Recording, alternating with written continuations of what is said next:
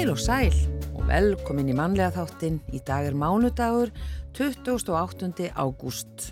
Já, og á þessum degi, árið 1818, var Landsbókasafn Íslands stopnað undir heitinu Íslands stiftis bókasafn.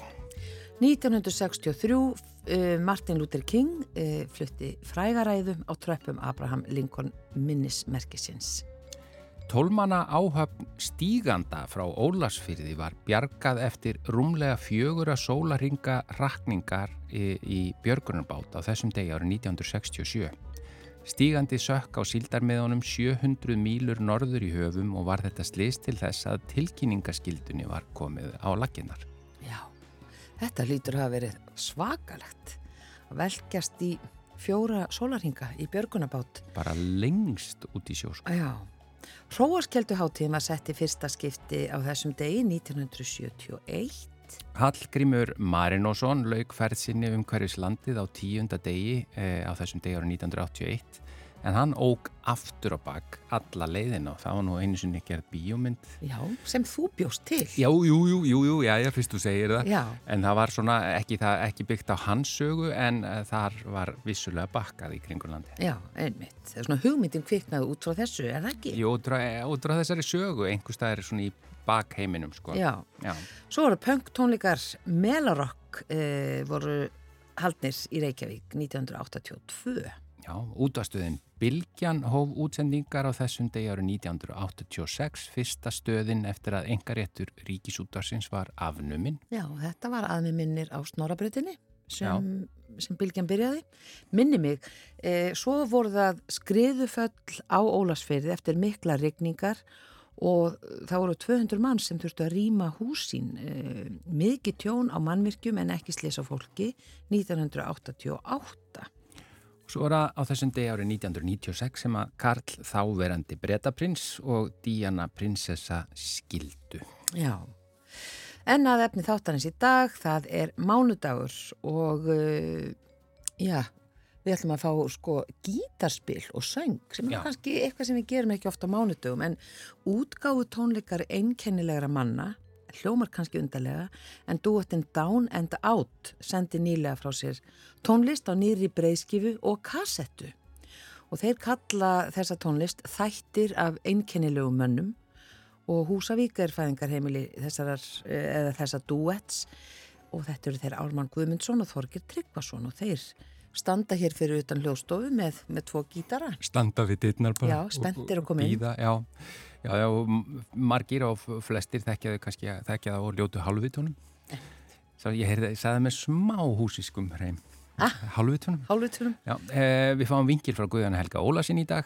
Þetta sinn ætla Guðjón að leggja vinkilin að blómum og bíflugum og svo er það lesandi vikunar sem í þetta sinni Bjarni Þórótsson, stjórnmálafræðingur.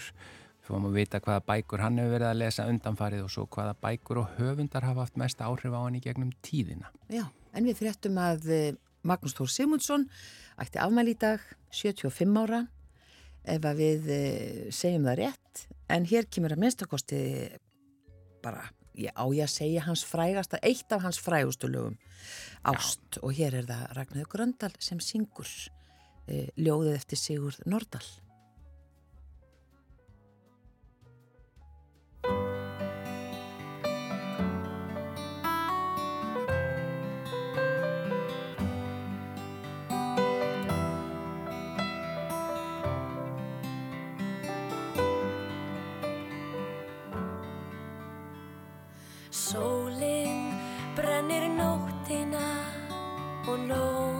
Slökkvir dag.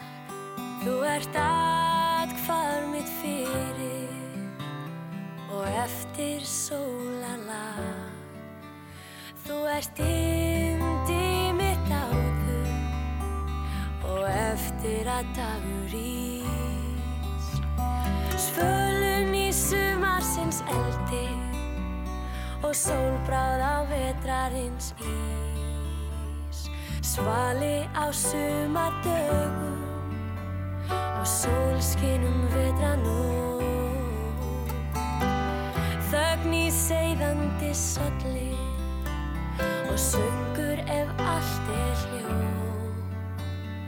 sungur í þöglum skóðum og þögn í borgarna dyr Þú gafst mér jörðina og grasið. Guð á himnum að við. Þú gafst mér skín og fjöllin og Guð til að styrkja mig. Ég fann einhvað lífið var fagurt fyrir en ég elskaði þig. Ég fættist til ljósins og lífsins en lærði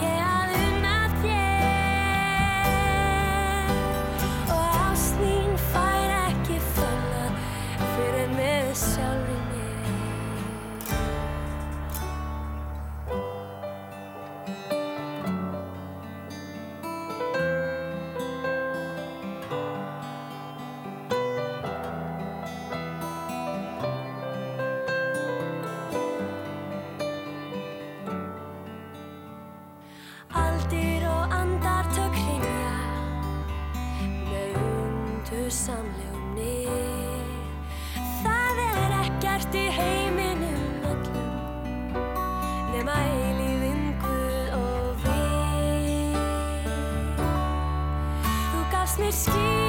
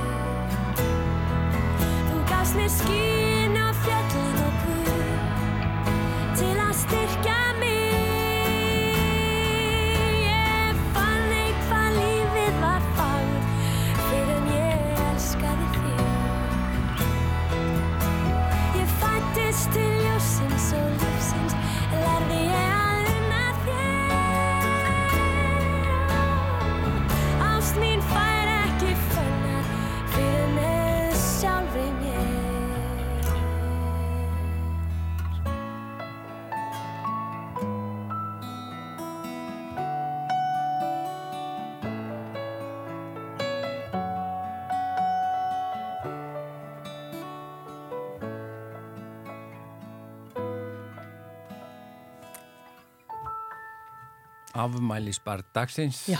Magnús Þór Sigmundsson, það er að ekki Ragnar Gröndal hún söng lægið eftir afmælisbar dagsins sem er Já. 75 ári í dag Já, það var gaman að heyra sögun af því hvernig hann e, samdi lægi þá sem sagt e, ljóðið e, hérna sett hann á borðið Mm. heima, heima hjá sér og var bara svona með það í bara einhverja daga held ég Mm. var svona alltaf að horfa á það annars lægið og eitthvað svona matlaði í hausnum og síðan bara allt í einu var það til þannig að hann var all, alltaf að horfa á ljóðið þar sem það stóð á borðinu Það var svona síjaðist hægt og rólega inn í hann Já, Já. Ég, ég, veit ekki hvernig þeir semja lögin sín uh, tónlistamennirni sem hingað eru komnir. Ármann Guðmundsson og Þorgeir Tryggvason, báðir meðlemið ljótu hálfutana, er það ekki rétt? Báðir? Jú, jú. Það er ekki búið að rekka okkur eða þá? Nei, þið voru ekki búin allar búin að frétta neitt. Nei, nei, nei.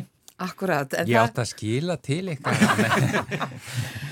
en eins og við segjum hérna, það er ekki kannski alltaf á mánudögum sem við erum með sko lifandi tónlist, en bara frábært að fá hérna tvo, tvo bara eins og því segið, einkennilega menn Tvo tónlistarmenn. með einkennilega hérna, tónlist og tvo gítara. En af hverju sko heita þetta útgáfu tónleikar einkennilegra manna sem framöndan eru hjá okkur? Við sem sagt, eh, við erum gömul hljómsveit, við hérna urðum til í, í hérna á Húsavík í kringum 87 87. og sömdum ægilega mikið af lögum í svona því sem þá var í gangi á, þar sem var svona, svona punk og nýbylgju og tilraunasena. Svo lágu þau nú bara óða mikið í salti, ansi lengi og við vorum allt í nú konur í nýjumanna hljómsveit sem heit, heitir Ljótu Halvutatnir og, og en hérna duettin Down It Out, hann svona mallaði alltaf undir og fyrir nokkrum árum þá ákváðum við loksins að fara með þessi gömlu lög okkar í stúdíu og aðtöða hvað væri hægt að gera og, og það endaði með plötunni þættir af einkennilögum mönnum. já. Og þið hafa ekki verið búin að spreða þessu í ljótu hálfvitan. Já, það lag aðeins yfir hann sko. Það er svona eitt, sko, lögin sem allir skippa þegar þeir hlusta á diskaljóta holdana, það eru gömu lög með okkur.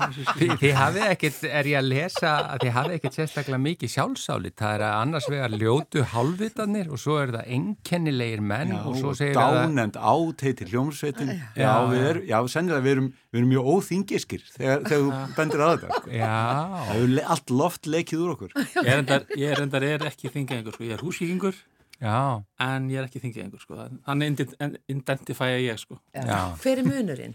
Að bara fóreldra mínur eru báði raukingar, þau fluttu bara rétt á hann ég fættist, þannig að ég bara, Já. ég finnst, ég hef aldrei fundist ég vera þingjengur, mér finnst ég bara að vera húsvíkingur Akkurat, já. og núna að því ég er búin að búið 30 ári reykjavík rúm, þá er ég líka reykjavíkingur. sko. Já, einmitt. En er eitthvað munur svona bara á svona, þú veist, hús, húsvíkingum og svo þingeyingum, Þorgeir, er eitthvað svona karaktermunur þarna?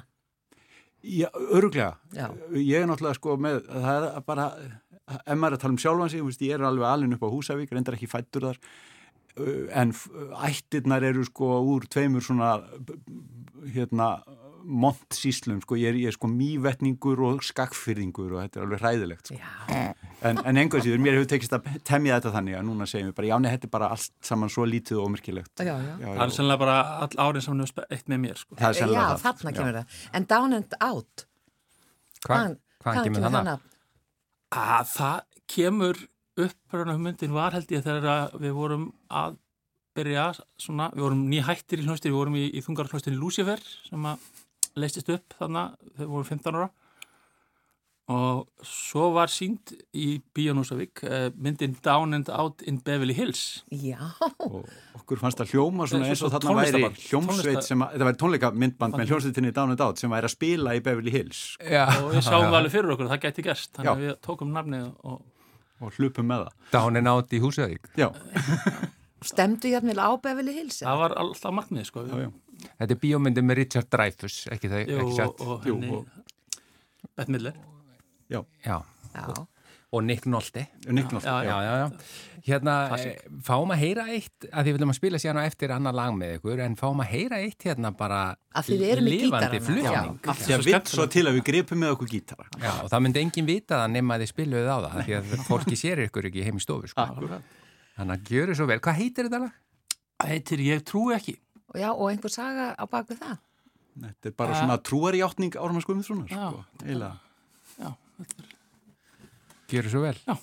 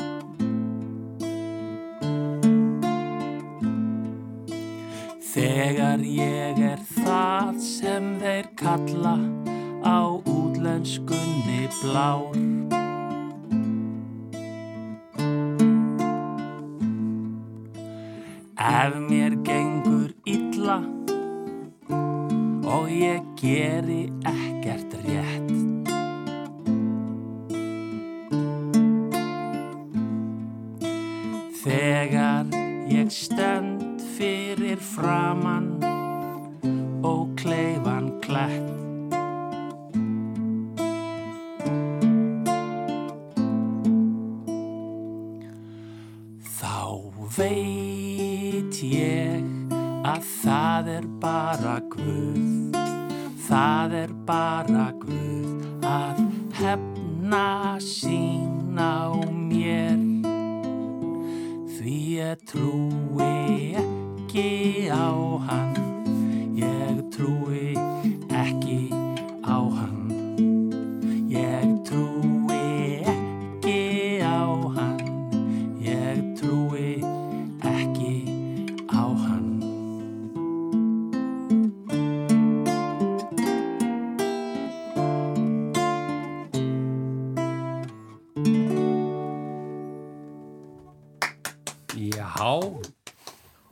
hvað eru þið gamlir þegar þetta er samið?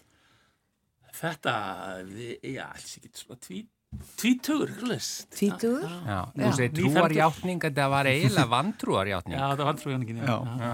Já. Það er þarna einhver staðar guð sem ég trú ekki á. Já, Já.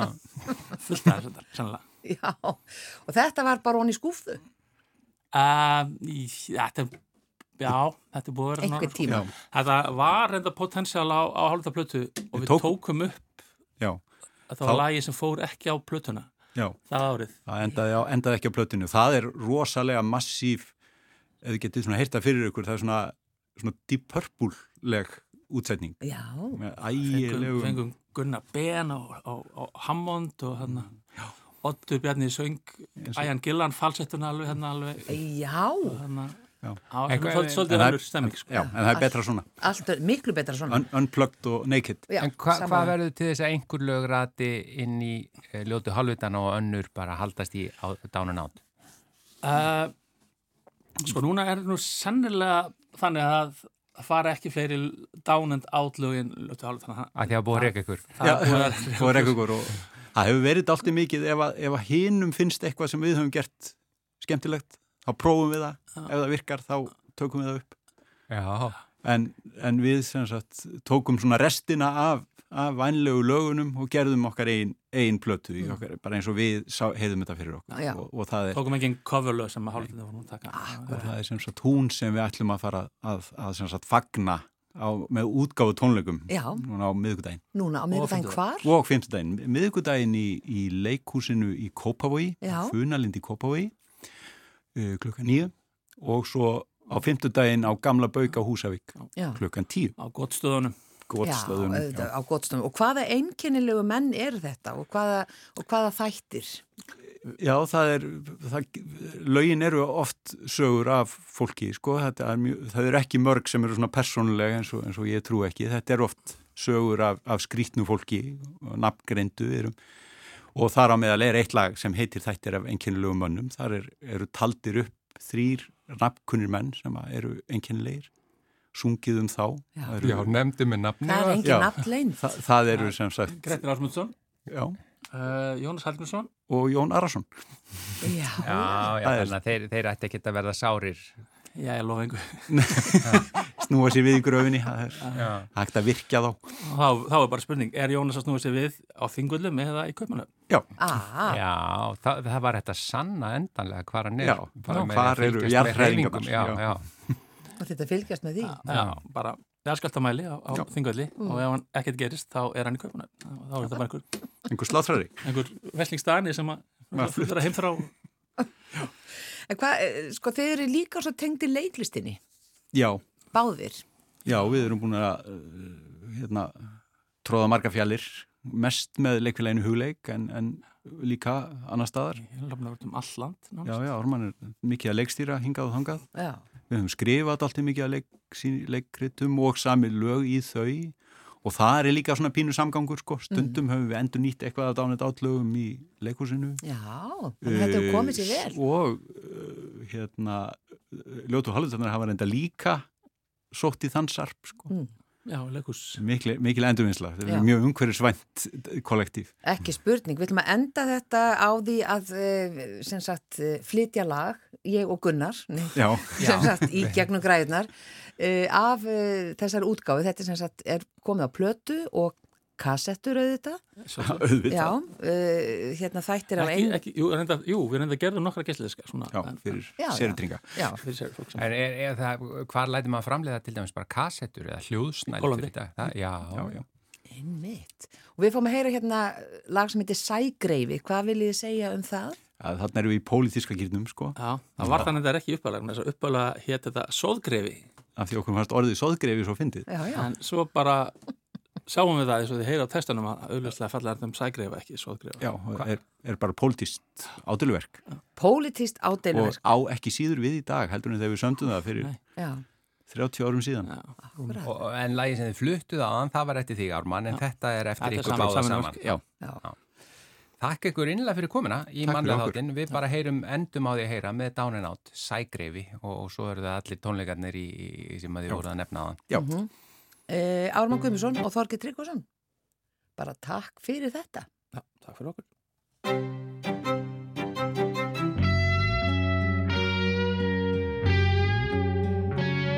Ég fætti stungur heiminn í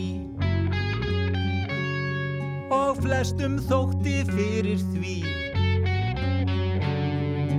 Hoplata og hoplati, hoplata og hoplati Síðan fór ég sjóinn á. Sildum höfin bleik og blá. Það mælti mín móðir að ég skildi verða, ég skildi verða, ég skildi verða. Sægreifi, sægreifi, sægreifi Ég sótti snemmi auð og völd Hugsaði um þau sér hvert kvöld En fjekk loks smakleg málagjöld, málagjöld, málagjöld. Ég var sægreifi, sægreifi,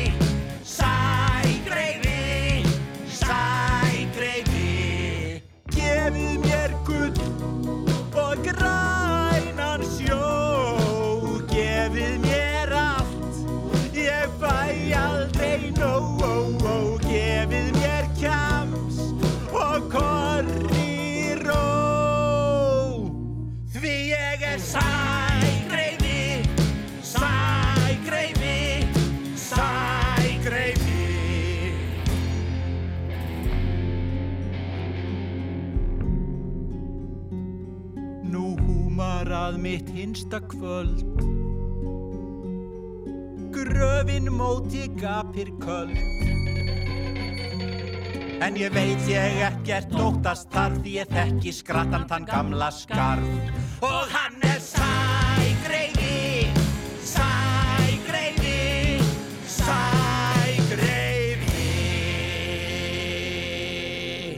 Ármann Guðmundsson og Þorgi Tryggvason hér af nýri plötu, þetta er duettinn Down and Out og uh, Sægreifi sem áttu upphaflega að heita Soðgreifi en, Já, en þeir útskýra ekkert nafnið Soðgreifin eitt nánar. Nei, og þetta er sem sé tónlist sem þeir sömdu þegar þeir voru unglingar og uh, hafa gefið út núna á, á, hérna, á kassettu og blötu. Já, eh, en það er komið að vingli frá Guðjóni Helga Ólafsinni. Ágætur hlustendur. Hérna heima eru nokkur eintök af gattavísjurtinni Hansarós. Þær eru afar harðgerðar og þrýfast alveg ljómandi hérna í flóanum. Ég er alls ekki að degra þessi grein eitt, tekka fram. Hallur í bjargarkoti gaukaði að með nokkrum plöntum fyrir mörgum árum sem hefðu orðið munaðarlausar hjá skórættinu östur á tumastöðum og rósirnar voru þar á meðal. Þær fóru á tvo staði hjá mér, á öðrum er örlíti skjól af gulvíði brúskum og í setni tíð jörfavíði en á hinum staðnum er opið fyrir vindum og viður gjörningur að minni hálfu akkurat engin. Og nú er þær í blómablessaðar, príða og punta. Og ef verð heppin þroskast nýburnar, en fyrir þá sem ekki vita eru rósa nýbur fyrirtags ávextir. Vissulega er mikilvægt að kjamsa þær ekki beint af brúsknum á þess að aðtuga með gatta og vant að fá þá upp í sig. En sætsúpa úr rósa nýpum finnst mér hnoskæti og te úr þeim er líka í uppáhaldi hjá mér. Ef þið eigið ekki rósarunna sem bera ávöxt en langar að smakka rósanýpu te, er upplætt að skeiða í næsta kjörmarka og leita að tei sem inniheldur til dæmis róships upp á enskuna. Margir þekka líka te og súpur úr hýbiskus sem er frænka rósarinnar og ættu austan úr Asíu. Við skulum hafa í huga áður en súpu, sultu og teverkun úr rósanýpum hefst að láta slíkt alveg eiga sig ef minnsti grunnur er um að eitrað hafi verið í nágræninu. Skortýra eitur er almennt ekki heppilegt til manneldis og við viljum líka að blessaðar humlutnar geti unnið sín verk á þess að eiga einhvern eitur hernað og hættu. Og nú erum við búin að nefna bæði blóminn og bíflugurnar. Ég fór í heimsókn til hans yngvar sig í hveragerðum daginn og fekk að skoða bíflugnaræktina hjá honum. Það var alveg stór skemmtilegt. Ég hef aldrei komið nálagt svona bífuglunarbúið svo ég veit til og, ykkur að segja er það alveg tölver upplifun, sérstaklega ef maður fær svona fína leiðsögn með. og vonandi fer ég nú ekki rámt með neitt og, og byrst forláts ef svo er en yngvar kaupir flugurna sínar frá Álandsegjum eins og 300 allir 300 bíflugnarektundur á Íslandi en þær eru eiga klassi í Eistrasalti og liggja nokkur meginn miðja vegum milli Uppsala í Svíþjóð og Turku í Finnlandi. Álandsegir eru sjálfstjórnarsveið en heyra til Finnlands. Margir eiga það til að rugglast á íslenska fánanum og þeim álandseiska en þeir eru eins að öðruleitin því að það sem er kvítt í okkar fána er gullt hjá þeim. Maður þarf að vanda sig við að velja á milli fána í tjáknalista farsíma allavega þeir sem eru komin með svona miðaldra glerugu eins og ég. Nú ég vildi vita hvers vegna yngvar kaupir flugurna sína frá Álandsegjum og fekk þau svör að ekki mætti flytja inn bíflugur til Íslands þar sem möguleiki er á að búin séu smituð af mítli sem heitir varróa og smitar flugurnar með ýmsum sjúkdómum. Deformed wing disease er einn af þeim, eða sem sagt hann veldur vansköpuðum vangjum í flugnabúinum. Nú þessi, þessi mítill getur þá eitt heilu bíflugnabúinum með ræðilegum afleiðingum fyrir allar þær fjölmörgu plöntur sem stóla á aðstóð bíflugna við frjókun. En bíflugnabú á álandsíum eru enn sem komið er laus við slík dýr. Ég leifi mér að endur segja frétt af vef Norðurlandaráðs frá 2020 þar sem framkemur að álandsíski vísindamæðurinn Torbjörn Ekkermann hafi verið tilnemdur til umhverjusveluna ráðsins með eftirfarandi rökum og tilvittnun hefst. Frjófgun vildra plantna er grundvallar forsenda lífræðilegrar fjölbreytni, bæði manna og dýra. Hunóngsflugur eru taldar skilvirkustu frjóbeirarnir og einmitt þess vegna er starf Torbjörns Ekkermann við að halda bíflugnastofni álandsega hreinum að varro mittli afar mikilvægt. Varroa er afar skadleg tegund mittla sem getur valdið dauða heilu bíflugnasamfélagana ef ekki er tekist á við þá. Starf Torbjörns Ekkermann er ástæða þess að álandsegjar eru eina svæðið í ESB sem er löst við varró mítilinn. Hröstar og veirulausar álandsegja bíflugur Torbjörns Ekkermanns eru fluttar út til annara samfélaga sem vantar frjóbera. Til dæmis má rekja uppbruna allra 300 bíflugna samfélaga á Íslandi til bíflugnabús Torbjörns Ekkermanns á álandsegjum. Bíflugurnar eru auk þess grunnur rannsóknarverkefnis um heilbriði bíflugna við Landbúnaðarháskóla Svíþjóðar í Uppsala, þar sem leitað er lausna á þeim vanda sem var á mittlar valda. Tilvitnun líkur, greinilega stórmerkilegur vísindamaður Torbjörn, en fekk þó ekki verlunin árið 2020 heldur færiski náttúruvísindamaðurinn Jens Kjell Jensen, sem var auðvitað líka vel á þeim komin.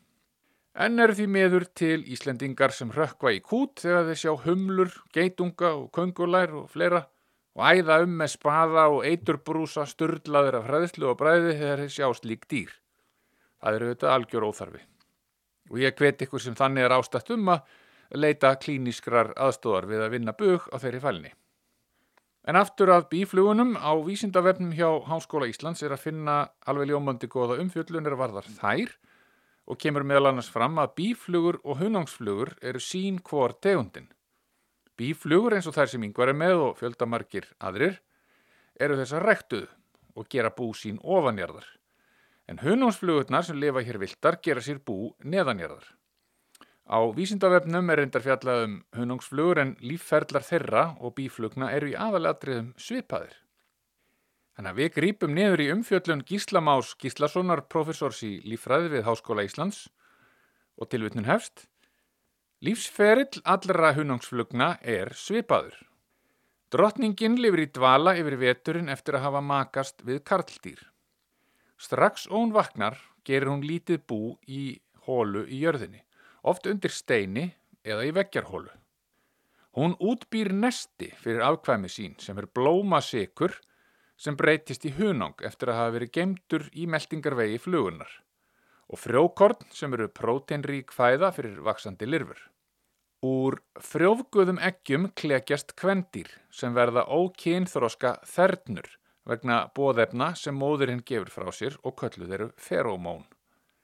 Þessar þernur taka við störfum í búinu og lifa þær í um 30 daga. Þernurnar sjá um að stækka búið, gera hyrslur fyrir lirfurnar, sýstur sínar, sapna fæðu og færa í búið og fæða lirfurnar. Búið er marg skipt í hyrslur sem gegna mismunandi hlutverkum. Hyrslurnar eru gerðar úr vaksi sem þernurnar framleiða í kirtlum. Sérstakar hyrslur eru gerðar til að geima hunang, aðrar fyrir frjókorn og enn aðrar til að ala lirfur í. Á haustin þegar drottningin er búin með sæðisforðan frá seinasta hausti fæðir hún ófrjófguð egg sem verða að karldýrum. Máttur bóðefna drottningarinnar dvín á haustin og að lokum deyr hún. Því koma upp á haustin karldýr og kvendýr sem þernurnar hafa gefið kjarnríkari fæðu. Þessi kvendýr verða kynþroska og því ný kynnslóð af drottningum. Það er makast við karldýr og geima sæðið fram á næsta vor til að frjófga ekkin. Að mökun lokinni leggjast þær í dvala í hólu í jörðu, en karlarnir og þernurnar drepast. Næsta vor byrjar ung drottning á að byggja nýtt bú og lífsferillin endur tekur sig. Bú hunángsflugna eru ekki varanleg eins og bú bíflugna og gera drottningarnar ný bú á hverju vori. Hunángsflugur lifa ingöngu á afurðum blóma og sjást því oft í blómskrúði. Móhumlan sækir lítið í þjettbíli en er á víðavangi um allt land og sækir fæðu sína í víðirekla. Hún fær frjókorn úr karlreklum og blómasikur úr kvenreklum.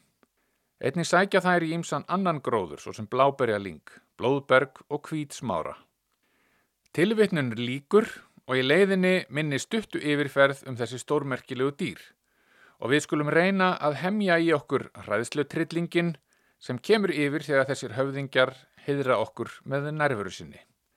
Sama á auðvitað við um geitunga, þeir eru almennt ekki hættulegir, en verja búin sín með tölverðri hörku og er það líkt með okkur mönnum og þeim.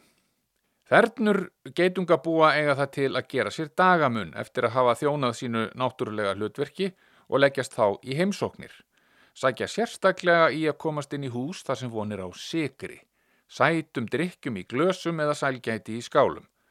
Skrýða stundum niður um drikjaróp góðstósa og lifa þar í velistingum praktuglega, þangar til einhver manniskjan vil gera slíktið sama og leggur þá geitungurinn á æðiskengin flotta en mannskeppnan fyrir oftar en ekki á taugum, sullar gósinu neður og baðar út öllum öngum, störluð af hraðislu við þetta litla dýr. Ef okkur er illa við að deila góstrykkjum og öli með geitungum er eina ráðið að hella vökvanum í glas áður en hans er neitt. Þá er ekkit mála að fæla alla óbóðuna gesti á brott með því að veifa aðeins yfir glasinu en ofan í áldósir sér maður auðvitað ekki. Kanski höfum við örlittla samantekt í lokin. Bíflugur gera bú sín ofanjarðar og nota búið ár eftir ár. Þær eru ræktaðar og, og frá þeim rænum við hunangi, koma hingað frá álandsegum.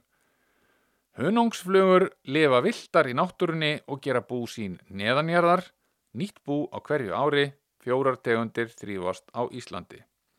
Geitungar eru ekki afkvæmi geithafurs og höðnu, þau kallast nefnilega kið, saman ber æfintýrið um geiturnar þrjár. Geitungar eru kallaðar vespur í mörgum löndum en á Íslandi eru vespur samheiti yfir skellinöðrur með rassmótor. Við förum kannski betur yfir það setna. Já, nú ætla ég út í sólina og þefa aðeins af rósunum. Góðar stundir.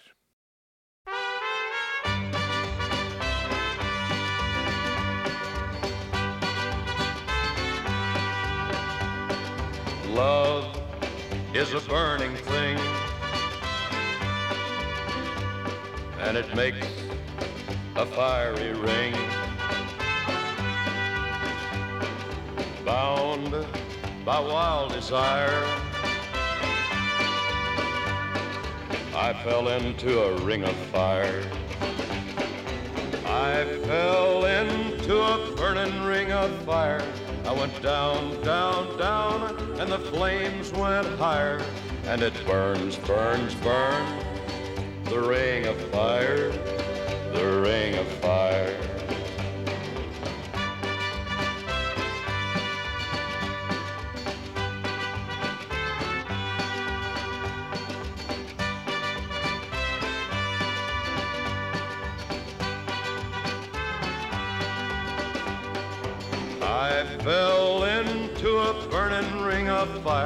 I went down, down, down, and the flames went higher. And it burns, burns, burns, the ring of fire, the ring of fire. The taste of love is sweet when hearts like ours meet. I fell for you like a child.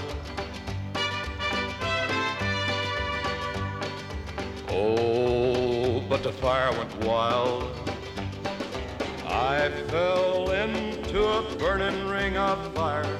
I went down, down, down, and the flames went higher. And it burns, burns, burns, the ring of fire, the ring of fire. I fell into a burning ring of fire. I went down, down, down, and the flames went higher. And it burns, burns, burns, the ring of fire, the ring of fire. And it burns, burns, burns, the ring of fire, the ring of fire, the ring of fire.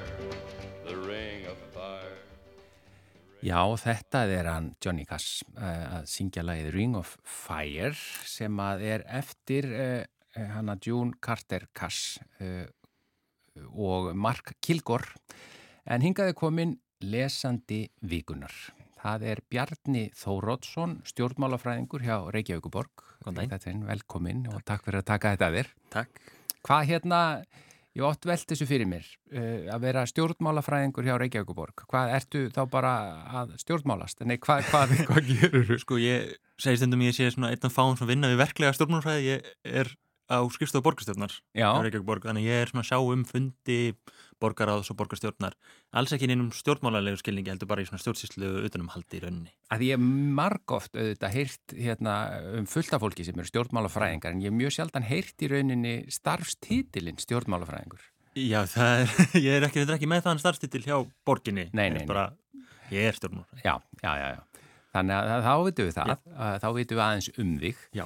En uh, mér var bent á, þú geti verið eh, áhugaverður uh, lesandi vikunar, þá væntanlega lestu talsvert.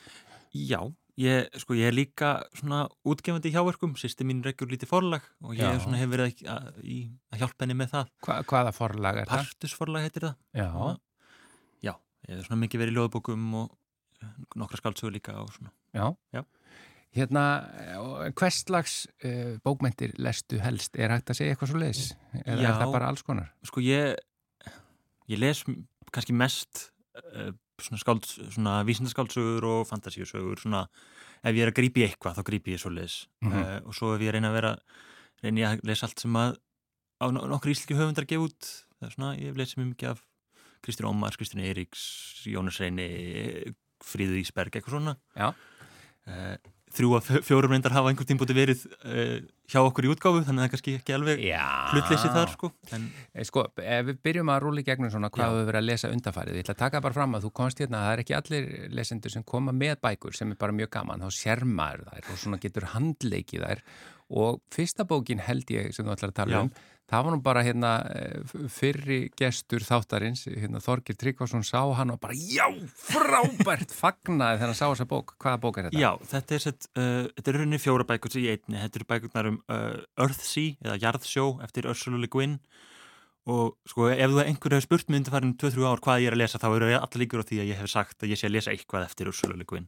Já, af því að hún er alveg stórkostleg. Uh, þetta eru, sko hún er að skrifa kannski 60, 70, 80 árin þar að segja og skrifar, þetta er hennar fantasíuserja og Mm. skrifar hún mikið af vísindaskaldskap en þetta er byggt 60, 70, já, þetta meina áratugina Já, já, áratugina. Hún er svona- og svo 7. náttúrulega alveg- 8. og 9. já, og þarna uh, það sem er sko merkilt fyrir mér er að sko heimurinn er náttúrulega sérstaklega í vísindaskálskapnum uh, aðeins öðruvísin okkar en munurinn er notaður til að segja okkur eitthvað um okkar heim þannig að mhm, þú, þú ert með veist, bækur eins og The Dispossessed sem ég heldur að þetta sé ekki til á, á uh, íslensku það sem út með í rauninni samfélags með alveg eins okkar Mm. nema á einhver tímpunkti í sögunni voru einhver anarkistar sem voru til vandra að sendir burtu og láti búinir að tún, búa tunglinu já, og það er með eina sem ég sé svona bókin gerist í þessu anarkistasamfélagi sem verður til og þannig að þú sérð svona fully realized afski ég sé sletta í, Já, í það sem þetta hefur orðið að raunveruleika. Já, svona samfélag sem er svo algjörlega frábriðið okkar í anna, í mótstöðu við sko, mjög líkt samfélag og það eru mjög marga svona þær dragu upp einhverja svona þú veist, það er bók sem heitir The Left Hand of Darkness eða Vinstri hönd myrkurs sem að þú veist, er rosa falleg svona hugleðingar um hvernig kyn bæri tjáning og gerfi hefur áhrif á okkur sem manneskjur og samfélagið og, Mhm. svona. og þú veist, vísindaskaldskapurinn er meira bara svona leið inn í söguna Já, að þessi Og og einhver útskýri fyrir mér sem að mjög, mjög áhugaverð uh, bara þetta með hérna, vísindaskálsa er í rauninni bara þessi spurning hvað ef raun, eitthvað? Og þú veist, eitthvað sem að væri þá öðruvísi en er kannski í okkar Já.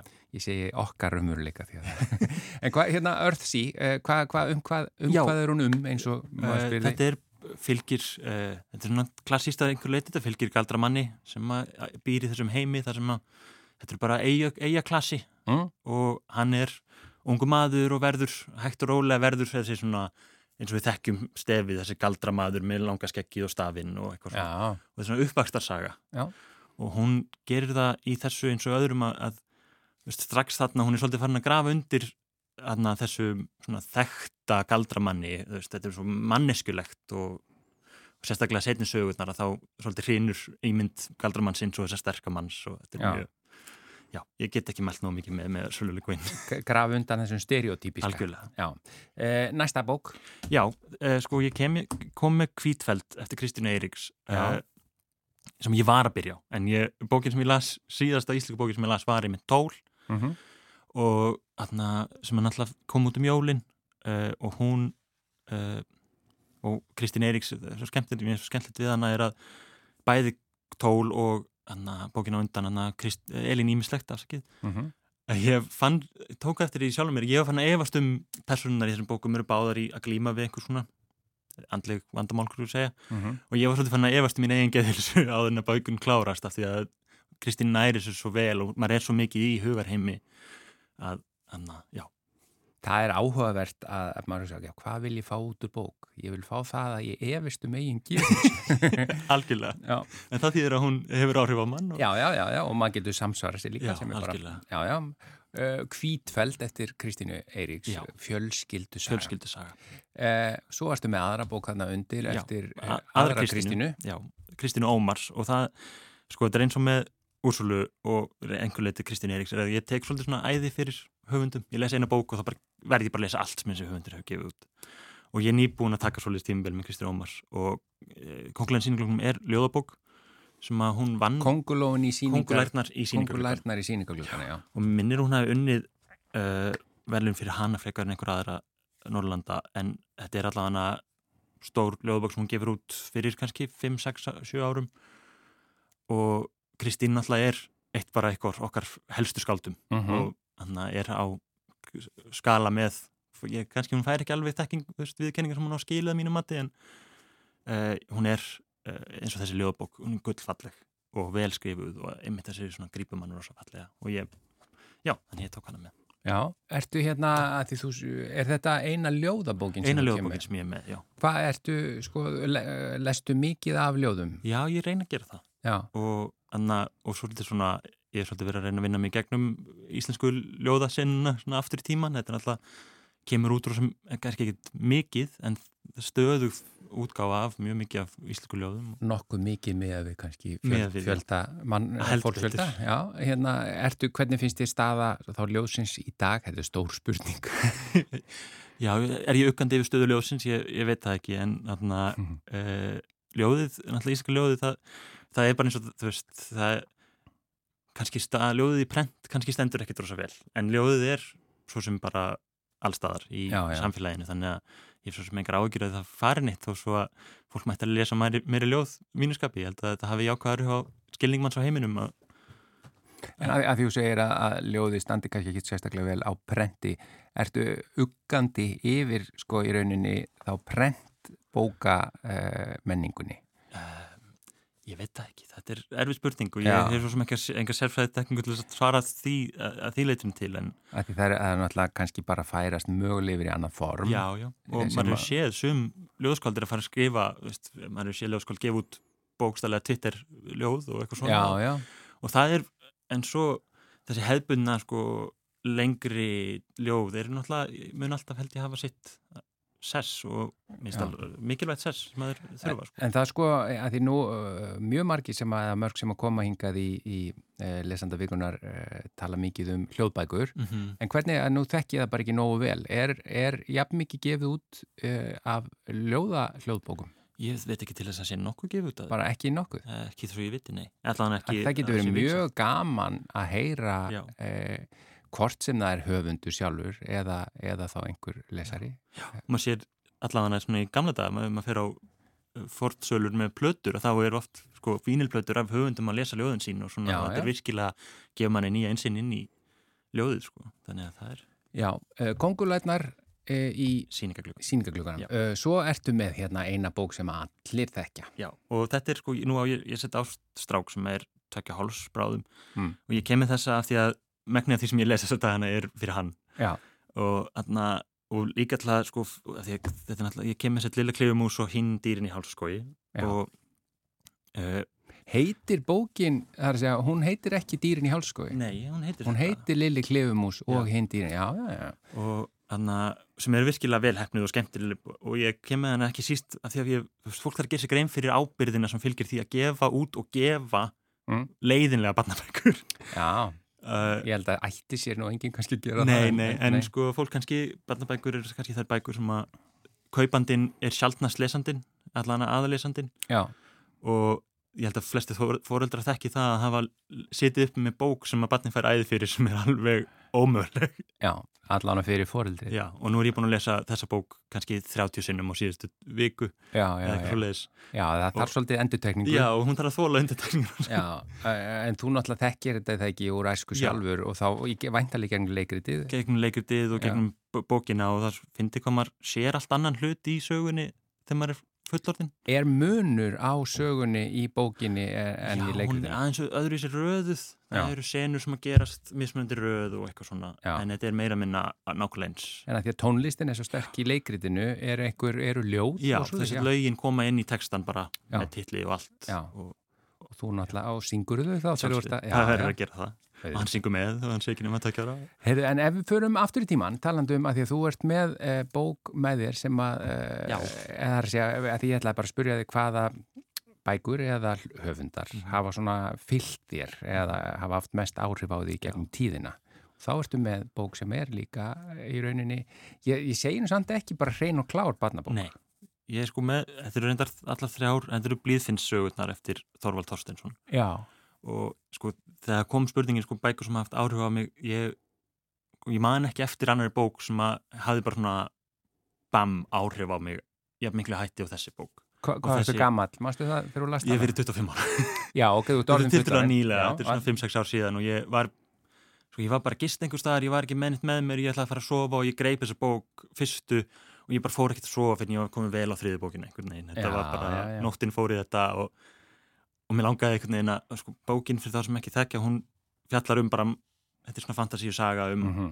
í rauninni batnverur í, í fantasíu heimi en mér finnst hún fjalla um bara fík og samskipti og veist þessi svona Þorvaldur er náttúrulega svolítið komplik, flókin persóna Mhm. í eigin lífi Já, og það er einhver tíman í annara þriðbókinni þar sem hann átti segja á því að hann er búin að vera veikur og búin að vera ítöllum frá sér og blóta og, og, og særa alla í kringum sig.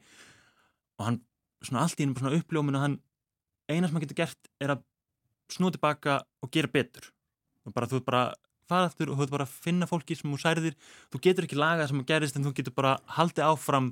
Já, já. og ég var einhvern veginn bara vaknaði, vaknaði morgunin og var bara, ok, heyrðu ég veist, nú, þurf, nú þarf að maður að tilenga sér þessar hugsun sko. já, það já, er alltaf já. næsti dagur næsti Þetta hljóma næstum því eins og úr og, og uh, nafngreindum tólspóra samtökum. ég segi það ekki, en, en þetta er, þetta er allan mjög áhrifuleg gleði til þess að þetta er svona kærleikur og gaggar sjálfum sér og öðrum Já, því það, það er auðvitað mjög oft er einhvers konar svona uh, í barnabókum Mhm. uh, innan gæsalappa er, er oft svona falin uh, eða, já, og misvel falin uh, bóðskapur sem stundum er beint að börnunum og stundum sem að annar, jafnvel, sem að bara, eh, já, getur verið bara hreinlega annar Já, já. bóðskapur sem er beintur að, fullatna fólkinu. Heyri, þetta er áhugavert. Vildur þú nefna einhverja bara alveg örstutt, einhverja aðra höfunda eða, eða bækur sem að svona um, Já, sko, þú veist, eins og þú segir eins og ég segi að ég hef tekið æði fyrir höfundum Já. einhver tíma á tímbili þá fekk ég æði fyrir Murakami, japanskur höfundur sem er ákveðlega vel þekktur og Norwegian Wood þar var Já, fyrsta og svo bara verður maður að halda áfram og halda áfram og halda áfram Bjarni Þórótsson, uh, þakka þér innlega fyrir að vera lesandi vikunar í þetta sinn Takk fyrir mig og þættinum er bara lokið í dag. Við þakkum innlega fyrir samfélginu og verðum hér auðvitað aftur á sama tíma á morgun. Verið sæl.